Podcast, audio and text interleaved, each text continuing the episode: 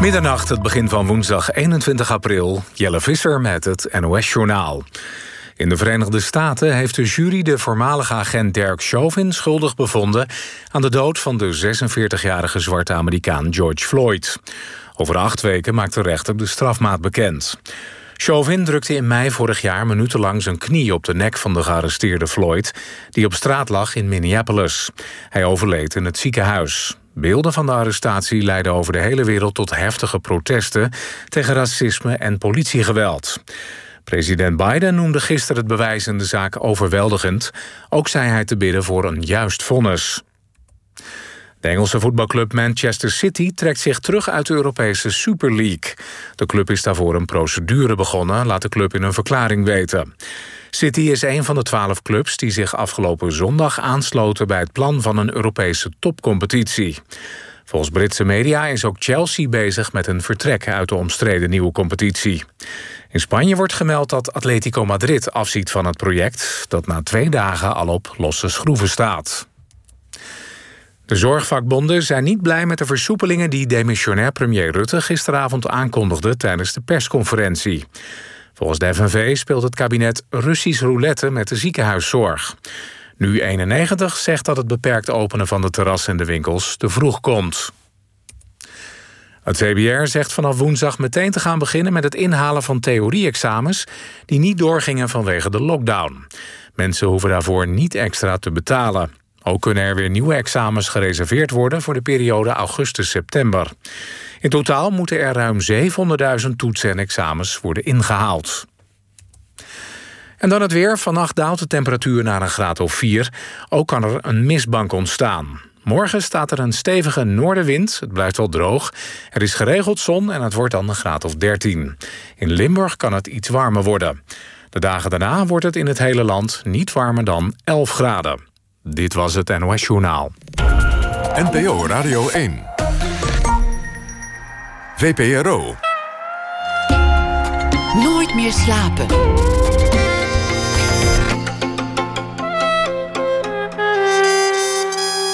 Met Pieter van der Wielen. Goedenacht en welkom bij Nooit meer slapen. Jonas Mekkes was een bekend filmmaker en schrijver. Werkte samen met beroemde kunstenaars zoals John Lennon en Yoko Ono. Bracht Andy Warhol op het pad van de cinema. En maakte deel uit van de New Yorkse Village. Kende daar noem maar iemand, Bob Dylan en god weet wie nog meer. Op een soort hey hoi Bob, hoe gaat het nou basis. En voor Peter Del Peut, mijn uh, genodigde komend uur, was het een held, een idool, een inspirator. Mac's Movie Journal, het boek, staat al sinds zijn studententijd op zijn bureau op grijpafstand. Het werk van Mekkes gaat over vergeten, over geheugen en over herinneringen. Kort voor zijn dood toonde een historicus, Michael Casper, aan dat Mekkes herinneringen aan zijn vlucht uit Litouwen tijdens de Tweede Wereldoorlog niet konden kloppen. Hij was gevlucht, dat was waar, maar voor wie eigenlijk? En zou het zomaar kunnen dat hij fout was geweest in de oorlog? En hoe kan het eigenlijk dat hij de massamoord die in zijn geboortedorp heeft plaatsgevonden helemaal is vergeten? Het vergeten kwaad is dan ook de titel van het boek. En dat is een uit de hand gelopen essay van Peter Del Peut. De Peut die, uh, worstelt er een beetje mee. Hij is fan en hij wil zijn idool niet loslaten. Hij mijmert over herinneringen, maar de harde feitelijke conclusies denderen intussen als een vrachtwagen op hem af. Het niet herinneren van Mekkes is misschien wel gewoon het niet herinneren dat we inmiddels zo goed kennen uit de politiek. Functionele vergetelheid. Peter Delpeut is filmmaker, essayist, schrijver en stamt uit 1956. Hartelijk welkom. Leuk dat je er bent. Ja, dag Pieter. Wanneer, wanneer begon dat eigenlijk? Wanneer, wanneer werd hij jouw idool? Die, die Mac Is dat dan een moment vast te pinnen? Ja, ah, retrospectief wel, terugkijkend wel. En dat komt omdat ik uh, uh, dus pas eigenlijk een paar jaar terug re uh, realiseerde dat dat boek altijd voor mij in het zicht had gestaan. Dat, dat Movie Journal. En die Movie Journal zijn eigenlijk um, columns die hij heeft geschreven voor de Village Voice in de jaren 60 en 70. Dus we hebben het over stokoude columns. En dat boek had ik gekocht bij de slechte als 20-jarige, denk ik. Uh, en uh, ik weet niet, uh, ik kwam toen heel graag bij de slechte. Die had een hele mooie filmafdeling. En daar stonden al die boeken. En klaarblijkelijk heb ik dat toen meegenomen. En als ik het nu nog, ik kan het nu nog openstaan op pagina's waarvan ik denk van, oh, komen die levenslessen daar vandaan? En een van de belangrijkste lessen was dat hij zei dat als je naar een kunstwerk kijkt, of eh, met name dan over films schreef, als je naar een film kijkt, dan moet je kijken naar wat er goed aan is. En je moet niet als een soort zure pruim gaan kijken wat je er slecht aan vindt. Niet als een keurmeester in de zaal gaan zitten en zeggen: Dit deugt er niet aan, maar wordt medeplichtig aan het product. Precies. En, en, en dat heb ik waarschijnlijk ergens geïnternaliseerd, want dat is altijd mijn houding gebleven tegenover kunst en tegenover films. Dat ik eigenlijk altijd probeer te benoemen wat is er nou zo mooi aan of wat is er zo goed aan. En, um, en dat loopt eigenlijk gek genoeg door, door, door al mijn werk heen. Dat ik altijd de bewonderaar liever wil zijn en uitleggen waar de bewondering vandaan komt, dan dat ik de criticus wil zijn. Dus ik ben ook heel snel gestopt met filmcriticus te zijn. Want, want er, er verschijnen natuurlijk heel veel slechte films. En dat bedoel ik niet om, om meteen zuur te doen, maar het is ook gewoon heel moeilijk om films te maken. Dus, dus als je alles positief wil beschouwen, dan, dan heb je een zwaar beroep. Soms moet je echt gaan zoeken. Of die schuif je terzijde. Dus je, je dan ben je voor niks naar de film geweest. Dan zeg je, ja, ik schrijf er gewoon niet over. Ja, dat, dat was mijn... toen, toen ik nog over films schreef, in het tijdschrift Screen...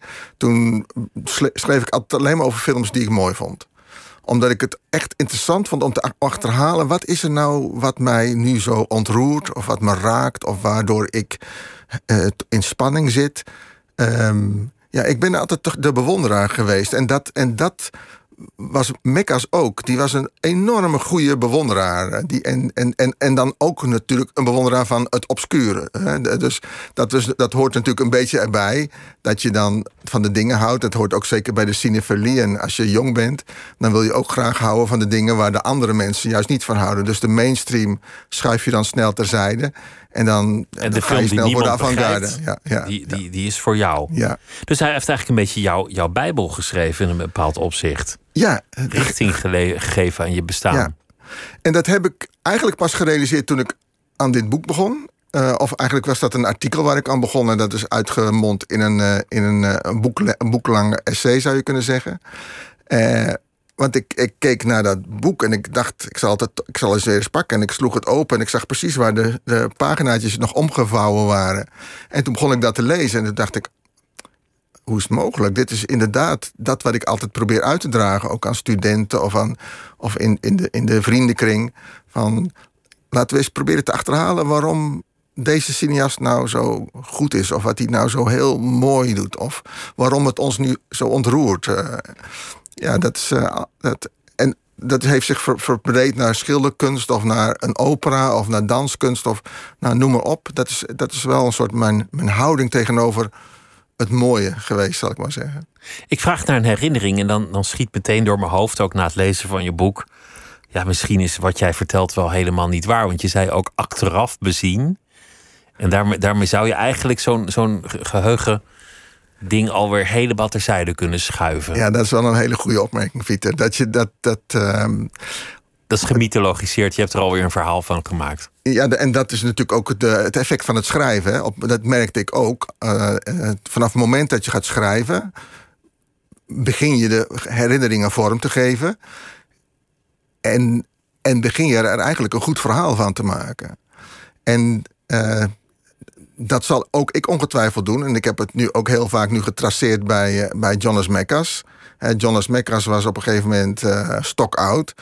En, en had eigenlijk de roman van zijn leven, zoals je het zou kunnen noemen, had hij afgerond. Hij had daar eigenlijk een, een, een twintigtal standaard anekdotes waarmee hij zijn hele leven had samengevat. En dat hebben we allemaal. Dat doen we volgens mij allemaal. We hebben allemaal onze, onze, onze eigen herinneringen die we, die we alleen maar kunnen onthouden door er een, een verhaal met een begin en een midden en eind van te maken. Het modewoord is op dit moment narratief. Maar je maakt een verhaal van je leven en eigenlijk alle, alle anekdotes die niet passen in dat verhaal, die filter je weg. Dus je zegt: ik heb, een, ik heb een rot jeugd gehad of ik heb een prettige jeugd gehad. En alles wat het tegendeel zou kunnen bewijzen, dat wordt eigenlijk uitgegumd. Ja, en dat is de grote lijn. Maar het begint al als wij nu deze afgelopen vijf minuten willen samenvatten, dan kunnen we eigenlijk ook maar tot een paar woorden komen. En gaan we alle ruis die in dat samen zijn van ons nu zit al weg schuiven. Het, het Je niet kunt niet- relevante wordt, wordt Ja, weggesneden. het geheugen kan niet alles onthouden. Dat is ook gewoon volgens mij de, de, de reddingsboei van, van, van onze hersenen. Want als ze alles moeten onthouden, gaan ze ontploffen. En dat is eigenlijk, dat is, maar goed, dat is ook een, dat is, dat is het interessante aan het werk van Jonas Mekas. Die is films gaan maken, eigenlijk over de ruis van onze herinneringen. Dus hij is dat gaan filmen wat we eigenlijk normaal zijn vergeten. Dus als je naar zijn films kijkt, dan is dat eigenlijk enorm desoriënterend en verwarrend. eh, omdat hij liever eh, naast jou kijkt en naar de spiegeling in de ruit naast jou, dan naar jou, terwijl jij toch eigenlijk nu het centrum van dit gesprek bent. En dat is, ja, dat is echt eh, fascinerend. Dat, dat, hij, dat obsessief heeft geprobeerd zijn leven vast te leggen. Maar dus eh, in zijn films niet in grote verhalen en in grote anekdotes. Maar in ja, de ruis van ons leven. En dat werden eigenlijk hele experimentele home movies. Waarbij eh, ja, een flikkering van de zon even in het raam. Of een, een gordijn wat opwappert. Of een kind wat struikelt, maar dan huppakee, is het alweer weg. Eh, want het had, hij, hij draaide het ook nog eens met een filmcamera... waar maar 30 seconden per keer mee opgenomen kon worden. Dat, dat gewoon een ouderwetse camera met een veer. Die hij altijd bij zich had. Die had hij altijd bij zich, ja. Ja, hij heeft eh, elke tien jaar kocht hij een nieuwe. En, eh, en pas in de laatste jaren heeft hij dus een videocameraatje gekocht. En het gekke is dat ik eigenlijk die, dat wat hij toen is gaan filmen bijna onbekijkbaar vind. Toen, toen de techniek hem toestond om meer te doen, Om alles te was filmen was eigenlijk de spanning weg. Wat ongelooflijk eigenlijk is dat dat zo werkt. Maar, maar wat jij vertelt dat hij aan de hand van anekdotes een leven heeft gecreëerd. Een van die anekdotes is dat hij een schrijver was, maar dat hij door zijn emigratie naar Amerika zijn tong verloor, want hij kon, kon de taal niet zo goed en dus tot het beeld veroordeeld was. En iemand had hem ooit zo'n cameraatje gegeven. Ja, eh, het, eh, eh, hij, is hij kwam in New York aan in eh, 1948. Dus hij was na de oorlog, of hij was eigenlijk in het laatste oorlogsjaar uit Litouwen. Hij was eigenlijk een Litouwer. Uit Litouwen gevlucht. Om zogenaamd, of in ieder geval wilde hij naar Wenen gaan, omdat hij daar dan zou kunnen studeren. Eh, hij werd opgepakt, werd te werk gesteld. En na de oorlog eh, was hij een displaced person, zoals dat heette, in Europa. Want hij wilde niet terug naar Litouwen, omdat Litouwen weer onder eh, de Sovjet-Unie was gevallen. En hij had ooit een anti-Stalin gedicht geschreven. En hij dacht, als ik terug ga, dan word ik afgevoerd naar de Gulag. En, de- ik, ik Wat wil waarschijnlijk niet, ook zo wat was. ook zo was gebeurd. Wat absoluut zou zijn gebeurd. En het had vijf jaar kunnen zijn, maar het had ook tien jaar kunnen zijn.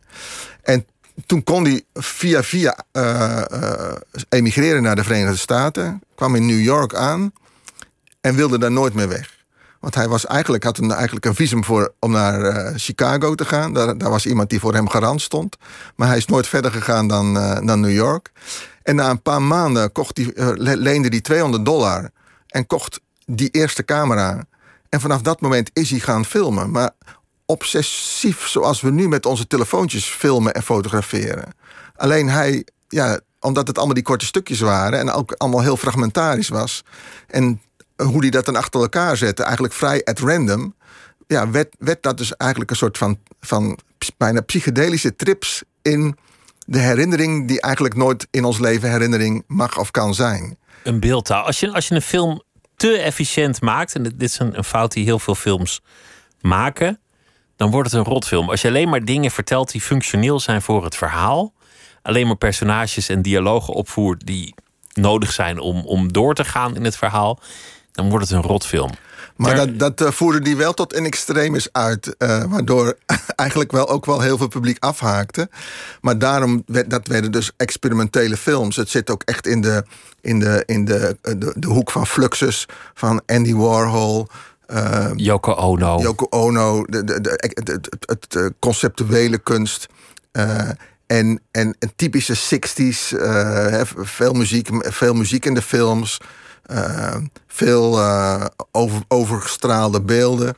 En het enige is dat ik, ik, ik vind ze en ik vond ze altijd eh, verslavend. Dat als je in de bioscoop zat, liefst in een lege zaal, waar, want er kwamen toch niet zoveel bezoekers, en je legt je voeten over de, de, de leuning voor je, dan kon je zo opgaan in, ja, in zijn leven. maar echt werkelijk in de aller, allerdagelijksheid van zijn leven. En niet in, ja, in een keurig gemanipuleerd verhaal. Wat, wat, ja, wat toch de manier is waarop wij uh, ons geheugen structureren, maar ook hoe wij films uh, maken, hoe Hollywood films maakt en hoe, hoe, wat de klassieke methode is om een verhaal te vertellen. De irrelevante details maakten eigenlijk hun eigen verhaal. Ja. Die kwamen in opstand tegen dat verhaal wat we van ons bestaan maken. Het was een charmante man, een, een, een graag geziene gast op allerlei avonden. Hij kende God en zijn broer persoonlijk daar uh, in, in New York. Ja. Heb, heb jij hem wel eens ontmoet? Nee, en dat heb ik ook, ook nu natuurlijk, dat ga ik, ben ik toen ook gaan reconstrueren. Waarom heb ik hem nou nooit ontmoet? Ik, uh, hij was uh, directeur van de Anthology Archives. Dat is een, een, archief en filmhuis in New York, waar voornamelijk experimentele films draaien. mijn found footage films hebben daar altijd in programma's gedraaid. Toen ik bij het Filmmuseum werkte in de jaren negentig, hebben wij samengewerkt met dat archief. En ook hij kwam in Rotterdam. Ik had eigenlijk heel veel kansen om hem te ontmoeten. En toch heb ik dat op de een of andere manier altijd van me weggehouden omdat ik heb een paar keer wat slechte ervaringen gehad met beroemdheden ontmoeten of mensen die ik bewonderde. En op de een of andere manier denk ik dat ik, ja, ik heb er nooit werk van gemaakt. Je was bang dat hij van zijn voetstuk zou vallen. Ja, voetstuk is. Maar waarom zou je iemand ontmoeten als je hem toch gewoon als, de bewondering was eigenlijk voldoende voor me. Terwijl het is ook bekend, het was heel makkelijk om bij hem binnen te lopen in New York op zijn kantoor. Uh, je kon je aanmelden. Ik had eigenlijk de, beste credits die je daarvoor kon hebben, want mijn films werden bewonderd in, uh, in de Anthology Archives. En ja, toch heb ik het niet gedaan. Dat is best wel een, een gekke. Maar, en dat, dat zijn van die herinneringen die ik weer niet op zijn plek krijg. Van waarom heb ik nou nooit die stap gezet, terwijl al die kansen daar lagen. Het geheugen is een wonderlijk ding. Je geheugen is eigenlijk niet betrouwbaar. Het is eigenlijk ook een wonder dat je veroordeeld kan worden op, op basis van getuigenissen. Ja. Want, want iedereen heeft een ander verhaal. Van soms hele basale gebeurtenissen zal je al versteld staan hoeveel versies van het verhaal in omloop komen. Welke details mensen opslaan en eruit halen. Daar schrijf je over. Maar eigenlijk als het gaat over het vergeten van Mekkes van zijn oorlogsherinneringen, hebben we dat allemaal niet nodig. Want dat is eigenlijk gewoon het vergeten van Mark Rutte, die zegt: Nou, daar heb ik geen herinnering aan. Het is functioneel. Het is niet echt vergeten. Het is niet een plots opkomende amnesie. Iemand is er, zich er gewoon aan het, eruit aan het lullen. Ja, dat, is wat hier aan de hand is. Maar daar moeten we ook oppassen met die vergelijking met Rutte. Want het, uh, bij Rutte is het allemaal toch vrij banaal. Terwijl er hier toch iets groots volgens mij aan de hand is. Waarom denk je dat? Waarom denk je dat het groter is dan, dat, dan iemand die zich eruit lult? Omdat het om, van twee redenen. Omdat het A volgens mij om een hele grote gebeurtenis gaat... die bijna niet over het hoofd is te zien. In 1941 vielen de Duitsers Litouwen binnen. De Sovjet-Unie had daar vlak daarvoor Litouwen geannexeerd. Werd weer verjaagd door de Duitsers. En de Duitsers gebruikten eigenlijk die eerste maanden van het eh, binnenvallen van Litouwen om eigenlijk de hele Joodse bevolking van Litouwen uit te moorden. Daar is eigenlijk de Holocaust is daar in zijn, in zijn uh, onoverzienbare omvang begonnen, zou je kunnen zeggen. Het echte moorden begon met de inval van, van het oosten. Operatie Barbarossa. Achter de linies ja, dus, reisden ja. Eindstadgroepen mee en die Precies, maakten alles af. Polen, uh, uh, Litouwen, Letland. En in zes maanden is 9, 95% van de Joodse bevolking van Litouwen vermoord. Tussen de 100 en 120.000 mensen. En, en dat moet je ook altijd beseffen, allemaal met een nekschot. Nog niet met ovens of met uh, gaskamers, maar één voor één zijn 120.000 mensen omgebracht. Mannen, vrouwen, kinderen. En in het plaatsje waar Jonas Mekkers vlakbij woonde... en ook waar hij naar school ging en waar hij uh, werkte... daar is op één dag ook de halve bevolking van dat plaatsje... bestond uit Joden, vermoord. 2400 mensen in één dag. En die gebeurtenis, terwijl Mecca zo de, de, de man is van de autobiografische films, van de dagboeken, van het, de heimwee naar Litouwen, die gebeurtenis heeft geen plek gekregen in zijn werk. Niet, niet in zijn memoires, niet in zijn dagboeken, niet in latere interviews. Nee, of, niet in films, met een heel minimaal snippertje. Als je heel goed gaat zoeken met een kleine verwijzing. En dat is nou eigenlijk het fascinerende aan dat artikel van die eh, historicus, Michael Casper, in de New York Review of Books in 2018. Mekkers is dan al 95. En dan komt dus die historicus met het verhaal. Uw herinnering klopt niet. U heeft in uw herinnering. U loopt om iets heen in uw herinnering. U verzwijgt iets, zou je ook kunnen Ja. zeggen. Ja. U verzwijgt iets. En, Maar voel je al het ver- verschil? Verzwijgen of om de herinnering heen lopen? Dus ik merk dat ik probeer te vergoelijken, maar ook geïrriteerd eh, was. Wat is dat vergoeilijken? Wat valt er te vergoeilijken? Te vergoelijken is, waarom zou je dat doen? het, het kan te groot zijn geweest. Het kan schaamte zijn geweest van ik heb niks gedaan. Het kan, Nee, ik, ik bedoel jou vergoeilijken. ja, Ik mijn vergoelijk is dat wat- ik, dat ik, maar Waarom ik, wil je niet aan die conclusie die die historicus zo helder opschrijft... dat iemand heeft eigenlijk aanspraak gemaakt op een soort slachtofferverhaal? Alsof hij een, een slachtoffer van de oorlog is geweest... met een vluchtverhaal waarvan we kunnen concluderen dat het ongeloofwaardig is. Hij vluchtte niet voor de Duitsers, hij vluchtte voor de Sovjets. Omdat de Sovjets eraan kwamen en hij dacht... die gaan zeker weten dat ik aan de verkeerde kant heb gestaan. Hij schreef voor een, een, een blaadje dat, dat zeer Duitsgezind was. Dat is ook een, een belangrijk gegeven. Hij was wel een vluchteling, maar aan de andere kant. En die massamoord, die heeft hij altijd verzwegen, omdat het hem gewoon niet uitkwam. ja, maar hij had ook kunnen zeggen het is gebeurd en ik heb het zien gebeuren en ik, ehm, Heeft hij het zien gebeuren? ik denk het niet. Ik denk niet dat hij het heeft zien gebeuren. Maar er werd wel over gesproken. En dat is interessant. Dat, ehm, ik heb diverse getuigenissen opgezocht. Niet alleen zijn getuigenis. Zijn getuigenis was in onze gemeenschap van boeren... werd gezwegen over dat waar niet over gesproken kon worden... of waar we niet over durfden spreken. Iemand van zijnzelfde leeftijd, dat heb ik uit een oral history interview uit, uit Amerika. Dat zijn van die, hè, die gesproken interviews van mensen met herinneringen die man van dezelfde leeftijd en die in, ook in de, in de buurt was toen het gebeurde, zei: We konden over niks anders meer praten dan over wat daar was gebeurd. Dit was zo groot, zo heftig, zo De gruwelijk. helft van het dorp, dat is natuurlijk iets dat niet ongemerkt voorbij gaat. Precies. En je moet je dat ook proberen voor te stellen. Dan, dat is ook dan hebben een aantal weken of dagen, of ja, he- heeft de helft van de huizen leeg gestaan. Klaarblijkelijk zijn Winkels die nooit meer open gingen. ja, fabrieken die niet meer werkten. Het was een, een hele levendige industrie die werd, ge, die werd gerund door heel veel eh, eh, Joodse Litouwers. En veel, veel Litouwers hebben meegewerkt Ja. met die Dus moord. daar ligt vaak een gevoel van schaamte.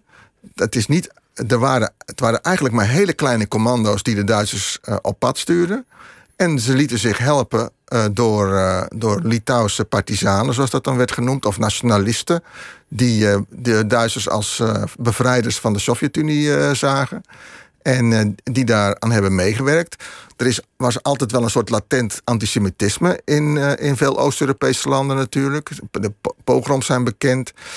Maar in Birzai, dat plaatsje waar het om gaat, is, was eigenlijk helemaal niet een traditie van pogroms.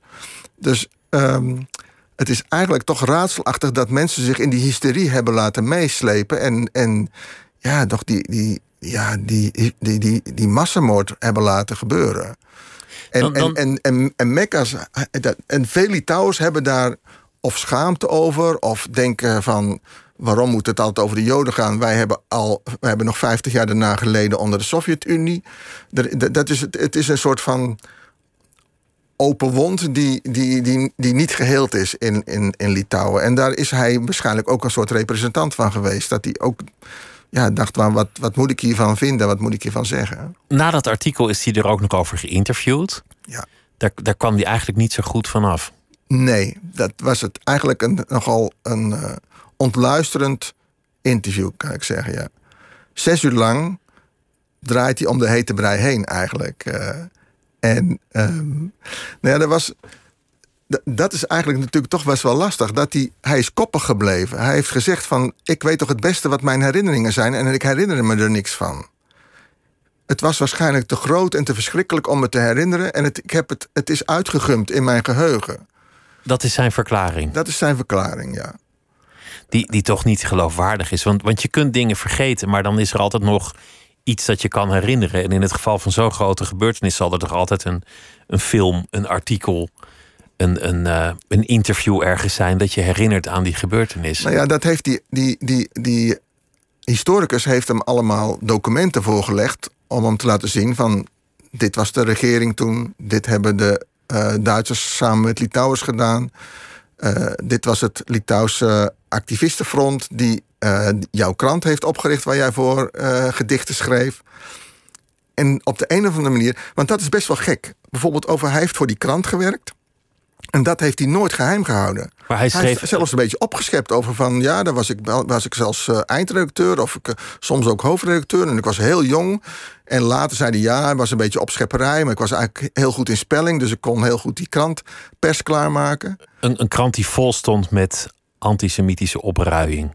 Ja, Nazistische maar hij propaganda. zegt ook, het stond ook vol met nationalistische uh, artikelen. En, en, en dat heeft die historicus ook gezegd. Ik heb geen enkel antisemitische uitlating van Mekkas zelf kunnen vinden. Die, dat dat die, maakt hem eigenlijk een, een, tot nu toe van wat we weten, van wat er gevonden is, een kleine collaborateur. Een kleine vis. Na, ja. na de oorlog zou hij misschien met een, met een, een taakstraf zijn vrijgekomen. Ja, als dat al zou zijn gebeurd. Ik weet niet wat ja, er precies in, in Stalins geval zou die, zou die naar de gulag zijn afgevoerd en nooit meer zijn teruggekomen. Maar hier in Nederland werden mensen die voor een foute krant hadden gewerkt een, een tijd op non-actief gesteld ja, of zo. Je moet het vergelijken alsof hij heeft, heeft, die gedichten heeft gepubliceerd in de Telegraaf tijdens de oorlog. Dat is, dat is eigenlijk wat je, waar je het mee zou kunnen vergelijken. Met de mogelijkheid dat het misschien erger is en dat dat niet bekend is geworden. En dat... Ja, maar daar, daar zijn dus. Dat is het fascinerende aan die historicus. Die heeft geen enkel feit op dat vlak kunnen vinden. En ook geen enkel uh, getuigenis die ook maar iets wijst in een richting dat Mekkas daar iets. Van betrokkenheid. Van, nee, betrokkenheid. En dat is dus waarom ik ook wel uh, gefascineerd raakte door dat artikel van die historicus. Namelijk dat, het, dat hij eigenlijk de herinnering van Mekkas aanklaagt. En toen dacht ik ook van... Hij maar ja, hem aan, waarom, waarom kan jij je dit niet herinneren... terwijl je zo'n verhaal van je leven hebt gemaakt... waarom verzwijg je dit ja. En dat is natuurlijk verhaal? ook de beroemde uitspraak van Levi... die zegt van uh, de, de, de, holocaust is zo groot dat het niet mag worden vergeten. Het moet altijd doorverteld worden. En eigenlijk zegt die historicus... jij Mekkas, die ik ook bewonder als kunstenaar en als filmmaker... jij hebt je eigenlijk niet die taak die je ook op je had moeten nemen... die heb je niet op je genomen. En daar heeft hij wel gelijk in. Je hebt aanspraak gemaakt op een soort slachtofferschap van de oorlog, terwijl je ja. uh, anderen dat niet hebt gegund of dat verhaal niet ik hebt vind verteld. dit wel grappig. Hè? Ja, dat, dat merk je hoe makkelijk je we toch in de morele groef uh, schuiven. Je kunt ook zeggen: oké, okay, we gaan terug naar Litouwen. We gaan terug naar het boerenlandschap waar Mekkas is opgegroeid. We gaan terug naar een jongen van 18, 20, 22, die er alleen maar van droomt om dichter te zijn. Die eigenlijk vindt dat die grote gebeurtenissen die allemaal om hem heen gebeuren, die eigenlijk verstoren die alleen maar zijn, zijn hoop op een carrière als dichter. Vervolgens heeft hij toch iets anti-Stalin geschreven en denkt hij, ik moet hier niet blijven, ik moet uh, weg, want die Russen komen eraan. En hij uh, vertrekt naar uh, Duitsland. Kan nooit meer terug tot 72 naar zijn moederland, naar zijn familie, naar zijn. Eigenlijk zegt hij, maar dat is mijn drama. Dat is het drama van mijn jeugd. Ik ben, ik ben ontworteld uit mijn. Uh, uh, en natuurlijk, daar is dat heel, die hele grote gebeurtenis van de Jodenvervolging geweest. Maar ik denk dat ook mensen toch vaak terugvallen op hun. Op dat wat hun eigen leven van belang maakt. Wat er voor hun eigen leven van. En dan hebben we het altijd over familie, over gezin, over de, de, de closeheid van vrienden. En dan is dat grote. Ja, dat kun je dan waarschijnlijk dan toch wegschuiven. Onze ik, geest is toch wel heel handig daarin. Het, het, is natuurlijk wel plausibel wat je zegt, maar, maar waarom kan je hem niet loslaten? Waarom lukt het niet om je held gewoon te laten vallen en te zeggen: Goh, heeft de mooiste films gemaakt, hij heeft mij geïnspireerd, hij heeft veel voor me betekend, maar hij was fout in de oorlog. Eigenlijk was het gewoon een vreselijke lul die aan de verkeerde kant van de geschiedenis stond. Ik laat hem los. Lekker. Ja, maar waarom lukt dat niet? Dat, ik denk omdat we, omdat we onze helden altijd toch heel willen hebben. Om als een soort van als een totaal. Uh, uh, ik moest ook slikken toen ik, toen ik hoorde dat Michael Jackson pedofiel was. Ja.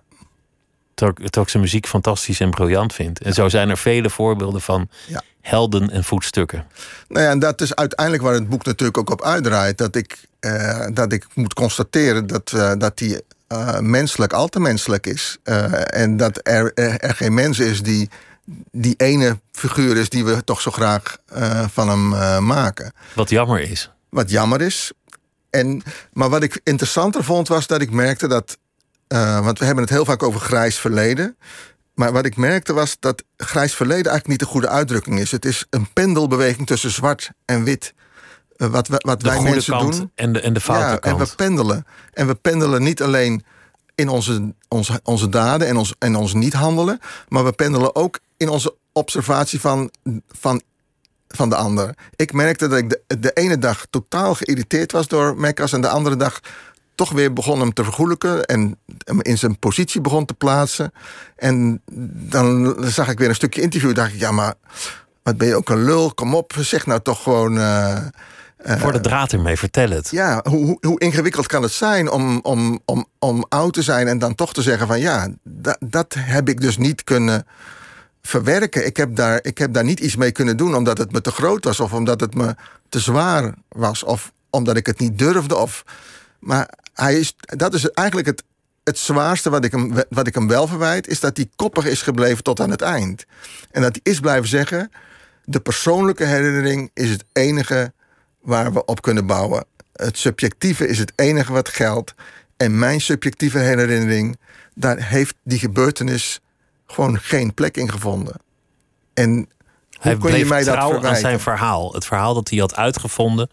De geschiedenis die hij had gecreëerd. De herinneringen die hij moedwillig had bewaard en gewist. Daar, daar wilde hij aan vastklampen op zijn oude dag. En de historicus zegt van... nee, eh, juist jij had de verantwoordelijkheid moeten nemen... om wel dat verhaal in de wereld te brengen. Want naar jou zou zijn geluisterd. Want je had een positie, je, had een, je bent een publieke figuur. In Amerika, binnen die kunstwereld, is hij absoluut een publieke figuur. En jij hebt de plicht om te spreken. Of, en eigenlijk zegt hij ook, je hebt de plicht om niet te mogen vergeten. Maar ja, hoe vaak komt, overkomt het ons niet dat we toch ook zelf dingen zijn vergeten? Maar wat, wat zo moeilijk onder ogen te zien is.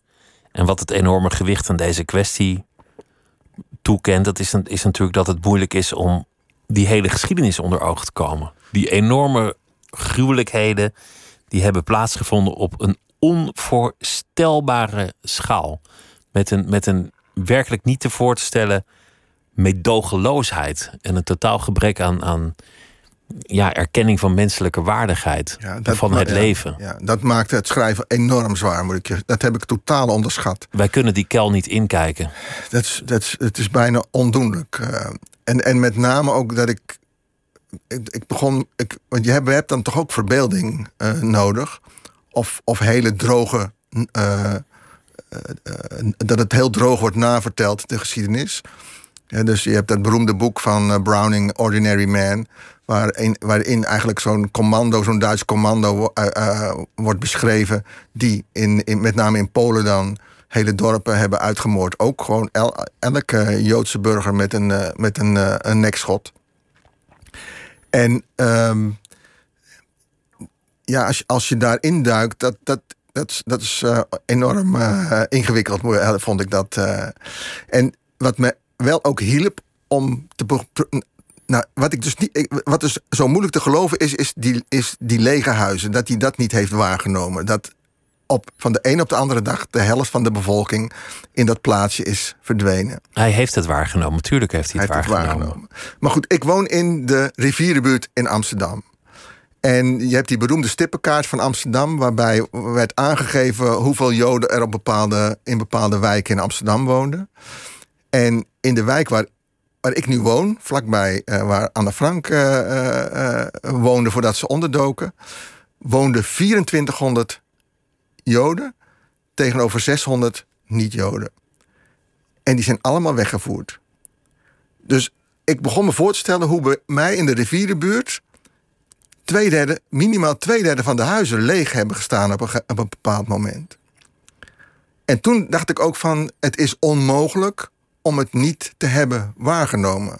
Als ik nu rondkijk in deze buurt en ik stel me voor dat al die huizen nu leeg zijn, dan moet, dan moet dat toch ergens zijn binnengekomen. Nou, die huizen hebben maar heel kort leeg gestaan. Want binnen no time was er iemand ingetrokken die dacht... nou, dan is het nu mijn huis. En dat zal in dat plaatsje in Litouwen ook Het zal daar niet anders zijn geweest, want zo ging het. Nee, Voor wie het inschakelt, Peter Del Peuters heeft een boek geschreven... Het Vergeten Kwaad. En dat gaat over de herinneringen van Jonas Jonas McCas en eh, het Mekkes. En het, het gaat eigenlijk ook over het geheugen over wat is dat eigenlijk, geheugen? Wat is eigenlijk denken?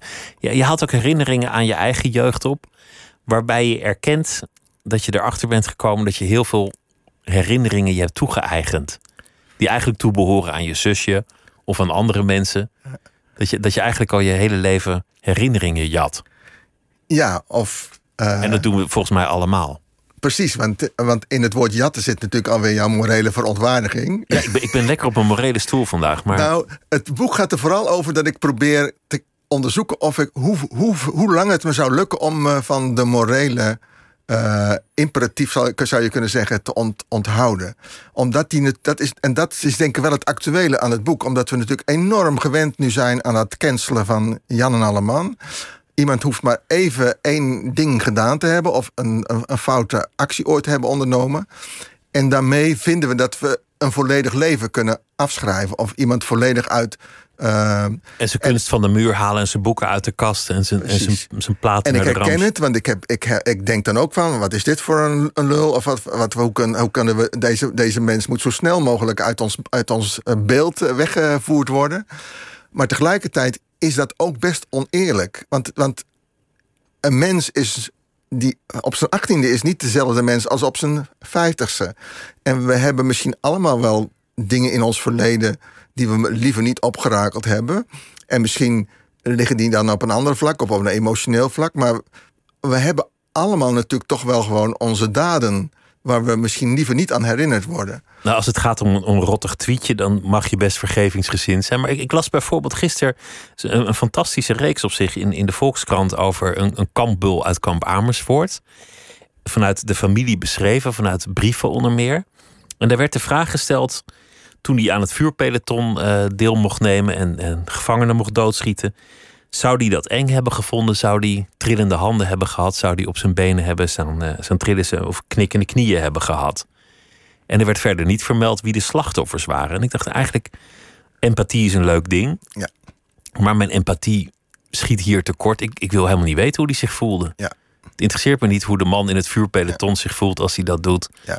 Die man is wat mij betreft gewoon gecanceld. Zijn gevoelens interesseren me geen reet. Ja, ja, kijk, ja dat herken ik. Totdat je misschien die man beter gaat leren kennen. Tot het, tot het je vader is. Want, Totdat je vader is. Dat is de auteur in, in deze, of dan ja. die, die is betrokken bij het stuk. Of, of dat je gaat ontdekken dat hij uh, in zijn normale leven onderwijzer was. En een enorm goede onderwijzer was. En daar fantastische dingen met uh, kinderen deed. Of dat is het fascinerende van dat Ordinary Man. Dat, dat, dat, dat je.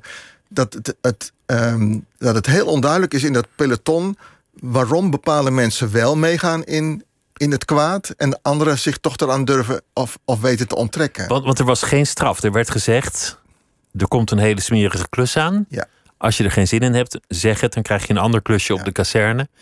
En er waren eigenlijk maar een handvol die zeiden: Nou, dit doe ik liever niet. Ja. En dat was dan ook zonder consequentie. Ja, en dat was een grote ontdekking eigenlijk in, uh, toen, toen uh, die historicus dat ontdekte.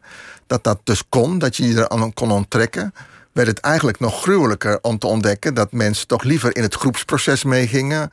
Uh, en dat misschien het, de kameraadschap wel belangrijker vonden dan de, het, het morele, de morele keuze om niet mee te doen aan een moordpartij. Ja, ja, die op geen enkele manier te rechtvaardigen lijkt, vanuit ons perspectief. Je moet dan weer wel bedenken dat de, de moordenaars al zeven, acht jaar daarvoor lang zijn uh, gehersenspoeld door propaganda waarbij Joden niet meer als mensen werden opgevoerd, maar als, ja, als luizen of als, als ongedierte. En, en, en er dus klaarblijkelijk in de hoofden van mensen iets kan worden geplant waarmee de daad om Joden te doden niet meer het doden van een mens is, maar het doden van ongedierte is. Maar dan is En het verdiepen. Dat is, dat is, dat is, maar dat is verschrikkelijk dat dat, dat, dat dus kan. Dat, dat, Maar dan verdiep je je in de motieven om, om erachter te komen wat het kwaad is en, en hoe het heeft kunnen gebeuren. Maar dat is iets anders dan dat je je interesseert in het empathisch begrijpen om iemand als persoon te redden, om iemands reputatie toch nog zuiver te houden. ja, En, en dat, dat is iets waar, ik- waar ik in dit soort casussen denk, nou, dat hoeft eigenlijk voor mij niet. ja. Iemand nee, dat heeft is ook wel vaak tegen me gezegd van. Maar, eh, eh, hoe, erg is het om, waar- hoe, ja, hoe erg is het om hem, om hem niet meer te kunnen bewonderen? En nu, ja, die bewondering is ook niet zo absoluut. Want als ik hem absoluut had bewonderd, had ik natuurlijk nooit dit boek geschreven. En zijn films blijven even goed, want die zijn niet veranderd. Die zijn niet opnieuw gemonteerd sindsdien. Nee, dat zo. En ik heb hem ook natuurlijk geëxposed, om het maar in de moderne termen te zeggen. Want ik had ook gewoon de zaak eh, stil kunnen houden. Dat hier in Nederland op, op, op de eh, 200 mensen die de New York Review of Books lezen, na niemand erover nagedacht dat er misschien een smetje aan eh, Jonas Mekas eh, zit. En, ehm, maar het is natuurlijk vergelijkbaar. De, de, de, de, de bewonderaars van Lucebert of Lucebert eh, eh, eh, zitten, zitten met hetzelfde vraagteken. je, je zag in de artikelen die verschenen nadat die, nadat die biografie verscheen, dat, dat iedereen toch ook in een soort van kronkels moest om te ontdekken van. Kunnen wij nu nog wel die poëzie die ons zo enorm heeft geraakt bewonderen? Wat kunnen we daarmee? Ja, toen, ik- toen die fout was gebleken. Ja, of ja. Ja, en dat is dan ook alweer zo'n grote vraag. Is hij fout of was hij alleen maar een puber die een meisje wilde imponeren? Ehm, Dat soort vragen komen dan ook op. Wat, wat me opvalt in, in, in dit boek, en ik, ik denk ook aan je vorige boek. Je, je vorige boek was een, een reusachtig, lijvig werk, een, een roman.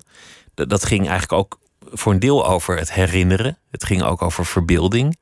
Het, je was aan de hand van een soort zwarte spiegel, een soort apparaatje. En een, eh, een kunstenaar die je bewondert, Lorraine, was je in allerlei werelden gedoken. Een, een, boek dat, dat in veel opzichten uit zijn voegen was gegroeid. Met, met, met, een, met een enorme energie geschreven. Dit, dit begon als een artikel en het werd een heel boek. Het, het lijkt wel als, alsof je soms gaat schrijven of onderzoeken. Als, ja, als een hond die graaft naar een bot. En, en dan uiteindelijk bij het binnenste van de aarde nog steeds denkt: waar, waar is die kluif? Nou ja, je- of als een verliest. archeoloog natuurlijk, die, Ja. steeds, die steeds meer wegkrapt en dan steeds meer ehm, een blik krijgt op dat, het, dat dat ene huis eigenlijk een onderdeel van een hele stad blijkt te zijn.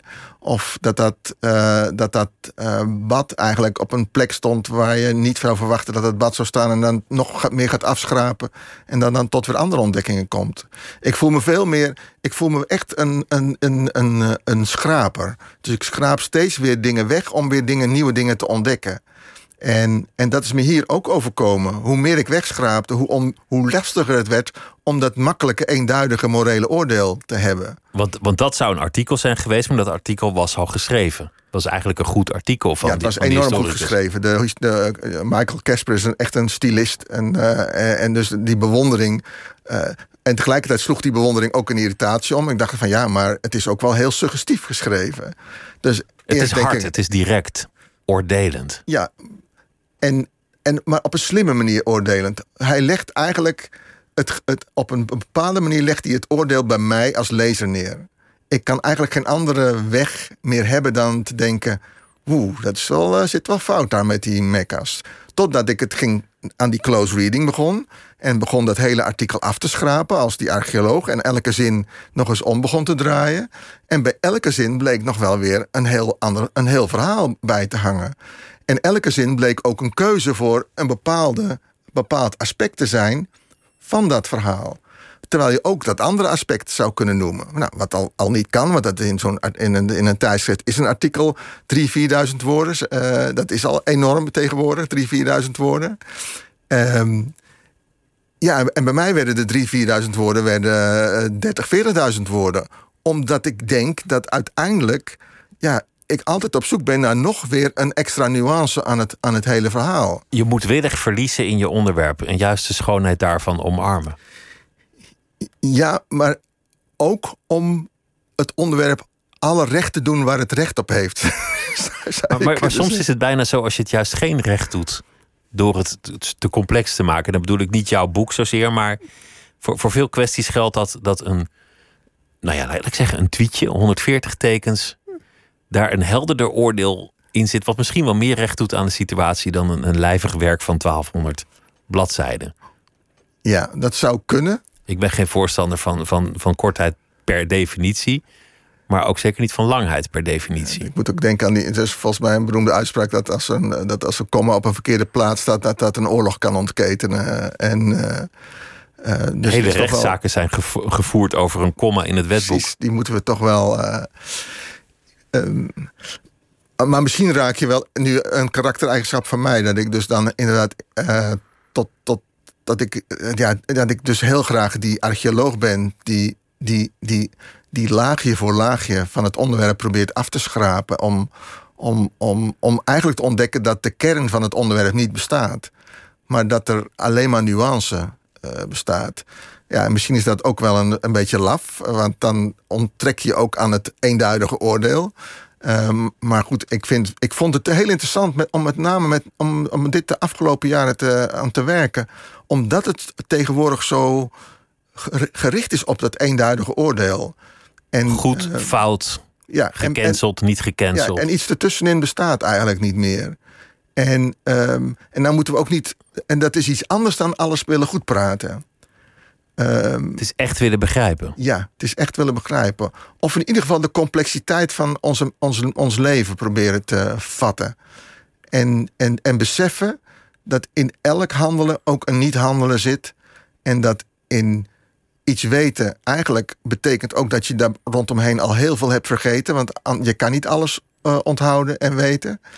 En uh, ja, die rijkdom probeer ik steeds. Uh, ja, die, die probeer ik stapje voor stapje in, in beeld te krijgen.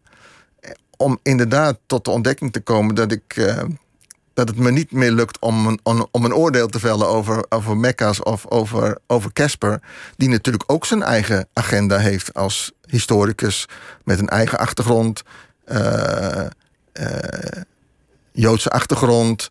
heeft een proefschrift geschreven over Litouwen. Over hoe, hoe, de, hoe de Joden in Litouwen een eigen plek proberen te vinden vlak voor de oorlog. Kortom, dus, aan dit onderzoek met een, met een hele grote achtergrondkennis. En, en ja rook daarom ja. onraad. Ja. Ik, ik verdiepte mij van tevoren een beetje in, in jouw persoon. Dit, dit wordt niet heel naar hoor, maar je, je, hebt, je hebt geschreven essays, romans, meerdere. Je hebt, je hebt films gemaakt. Uh, je bent uh, adjunct-directeur van het Filmmuseum geweest. Uh, een korte tijd filmkritieken geschreven. Nou, en zo heel veel functies gehad. Wat is eigenlijk de, de kern van jouw leven? Waar gaat jouw bestaan over? dat ik me snel verveel. Is dat, is dat het? nee, dat is, niet, dat, is, dat is de makkelijke opmerking. Maar een van je collega's bij de VPRO heeft wel eens gezegd... het lijkt net of Delpuit met elk nieuw ding wat hij doet uh, debuteert. Dat vond ik ook wel een hele interessante. Alsof het de eerste keer is, alsof het Ja, ik zoek altijd wel naar een nieuwe uitdaging. Ik zoek naar dingen die ik nog niet gedaan heb. Uh, maar ik denk wel, maar dat komt wel een beetje door het gesprek van vanavond... dat dat, dat willen uh, afkrabben, dat ook mijn filmkritieken gingen heel vaak over proberen laagje voor laagje te achterhalen. Hoe, wat heeft die cineast nou gedaan om met dit en dit effect mij te ontroeren? En, en die waren best wel, wel een beetje streng en, en, en, en uh, uh, gedetailleerd om dat uh, ja, bijna minimalistisch uit, te, uit te vinden. Dus dat is denk ik wel gebleven. Ook als ik van een bepaald kunstwerk hou, dan, dan probeer ik dat inderdaad toch laagje voor laagje te achterhalen. Wat is, nou, wat is hier nou precies aan de hand? Wat, wat, wat, wat gebeurt hier nou precies? Dus dat is misschien wel wat het bij elkaar houdt. Maar ik heb, ben wel steeds geswitcht van medium en van, van, ja, van genre. Zal, hè? Dus, dus van, van, van, archieffilms naar speelfilm naar documentaire. Want daar is ook nog eens grote verschillen tussen. En, en uh, bij het schrijven van essay naar roman, naar, naar ja, meer beschouwende stukken. Dus ja, ik heb wel zo'n beetje alles uitgeprobeerd, ja. Want, want je, je hebt het ver geschopt in, volgens bepaalde maatstaven. Als je, jou, jouw film is toen uh, openingsfilm geweest van het filmfestival in Rotterdam. Ja. Dat is heel prestigieus. Heel goed ontvangen. Een gouden kalf ook gekregen.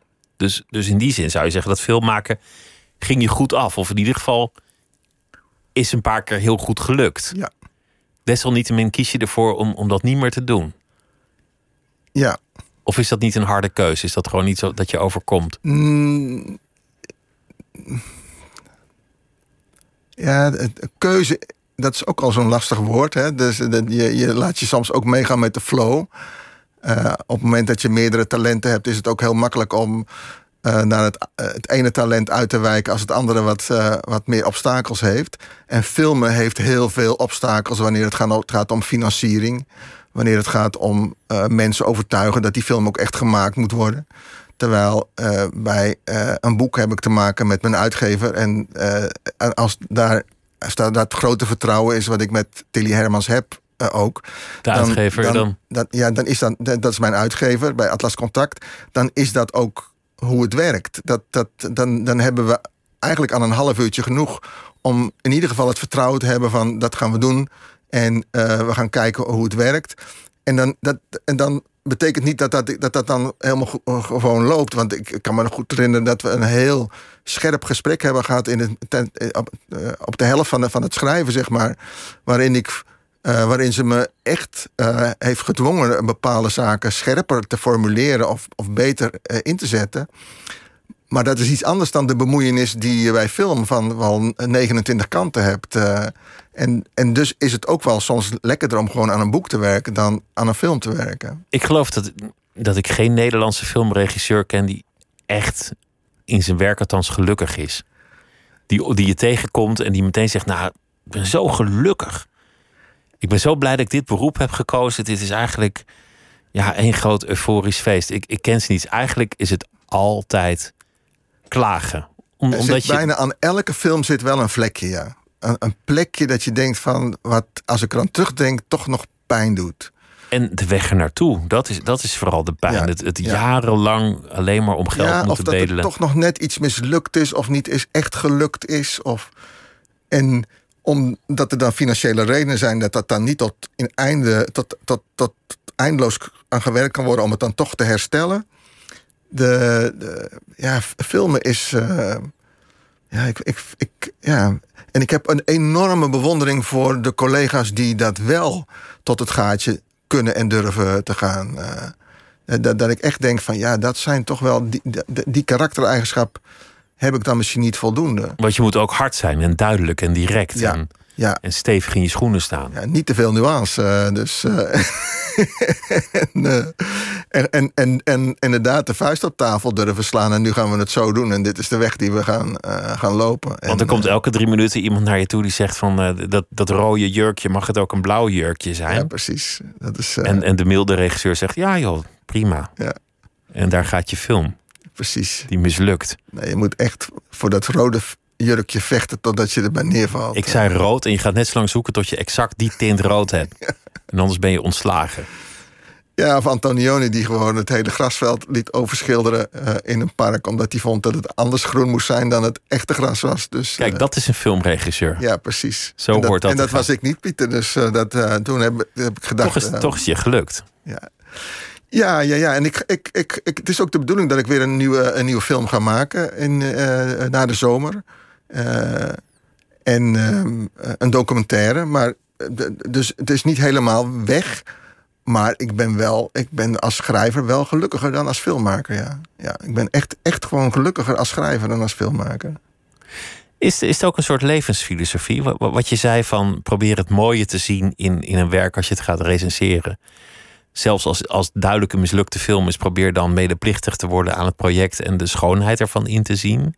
Ja, zo zie ik het wel, ja. Dat, dat, dat is eigenlijk is ook wel een, een ik, manier eh, van leven. Ja, zo, dat zo, zoals ik graag naar de mensen om me heen probeer te kijken. En eh, naar hoe je je leven inricht. Dat is wel, dat is, het, is, het, is in dit, het is wel een levensfilosofie, denk ik, ja.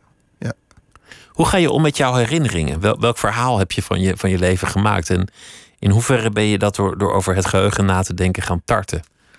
Nou, het valt me wel op dat ik best wel veel eh, jeugdherinneringen gebruik. Ehm, eh, en ook door ze aan andere personages eh, over te hevelen, zal ik maar zeggen. Zoals romanschrijvers dat vaak doen. En ik was eigenlijk ook wel verrast dat ik hier toch in dit boek ook weer naar eigen jeugdherinneringen terug ben gegaan. En wat ik wel dan zie, of ik zie dan dat ik dat dan toch aan het restylen ben. Dat ik daar toch een soort gloss over aan heen leggen ben. Om, het, om, er, tot, om er toch een soort. Uh, en misschien ook wel om, om, om de pijn die je soms toch ook hebt bij die herinneringen, om daar toch omheen te schrijven. Uh, want die hebben we natuurlijk allemaal. Uh, er is toch iets in, in schrijven waarin het, het, het, het mooi maken van het verleden ook uh, ook, ook zijn werk doet, zal ik maar zeggen. Dat loont. Dat loont, ja. ja. Dat, dat geeft een goed gevoel. Dus ik vind wel eens dat ik mijn eigen jeugdherinneringen romantiseer. Ja. ja. Er zijn ook mensen die hun eigen jeugdherinneringen dramatiseren. Ja, dat vind ik, dat is eigenlijk uh, uh, literatuurtechnisch, zullen we maar zeggen, beter. Hè? Dat, dat is eigenlijk. Uh, dat je er een rotjeugd van maakt. Nou ja, dus we hadden het net al over Tilly Hermans, mijn redacteur en uitgever, die altijd tegen me zegt: Peter, het extremer, het moet extremer. Je moet het harder maken, je moet het fysieker zwaarder maken. Omdat ik altijd toch de neiging heb om het enigszins te nivelleren. Dus zij vindt wel vaak dat ik meer moet doorpakken op, op, op drama. En zij was dus ook degene die zei: Ik wil gewoon veel meer over jou weten. En Mekas, ik wil weten hoe jij staat in uh, in dit verhaal. Jouw grote held die hier. Ja, het is niet een objectief verhaal wat je kan samenvatten, maar je moet zeggen wat het met jou doet. En, uh, en dat was dat, dat, dat beruchte gesprek, wat enorme push heeft gegeven om dat boek werkelijk de draai te geven die het moest krijgen. Het is ook grappig dat, dat het vasthouden aan herinneringen en het moeten tornen aan je herinneringen, dus nieuwe feiten die moeten dat geheugen, een, een, ja, dat dwingt tot een aanpassing. Dat, dat voelt bijna als een amputatie. Het doet pijn om te moeten snijden in datgene wat je als kennis hebt aangenomen. De kennis die je als eerste bereikt, die, die neem je aan als waar. En de kennis die daarna komt, die moet zijn plek veroveren. Die heeft het zwaarder. Die moet over een drempel heen. Want je hebt al iets als waar aangenomen. Daarom is nostalgie ook zo'n ziekte.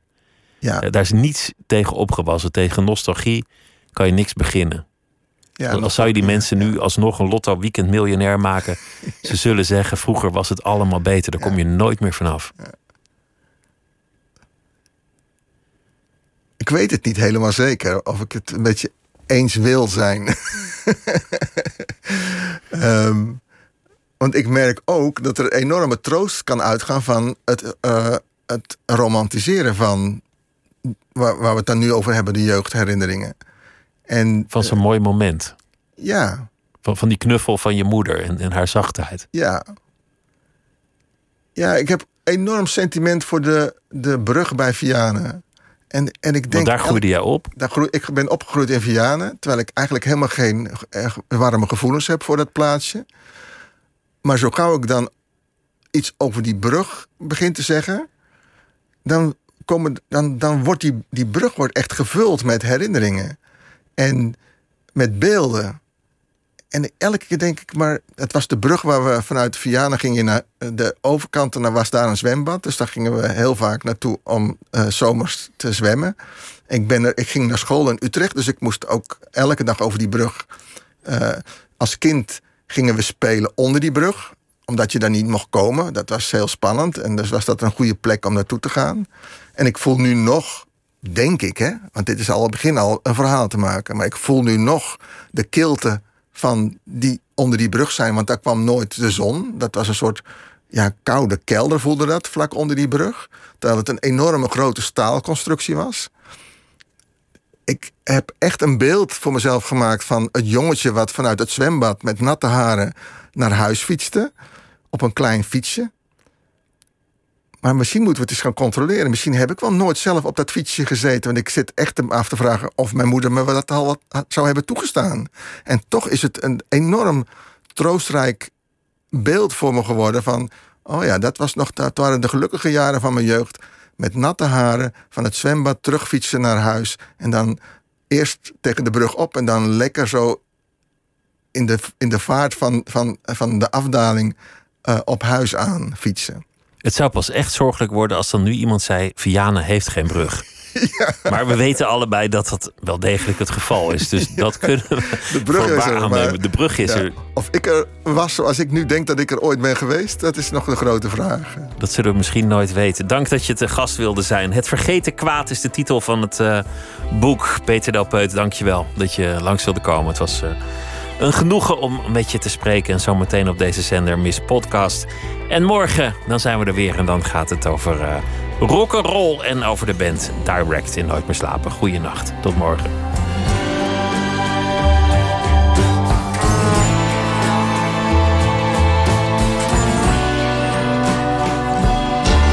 Op Radio 1. Het nieuws van alle kanten.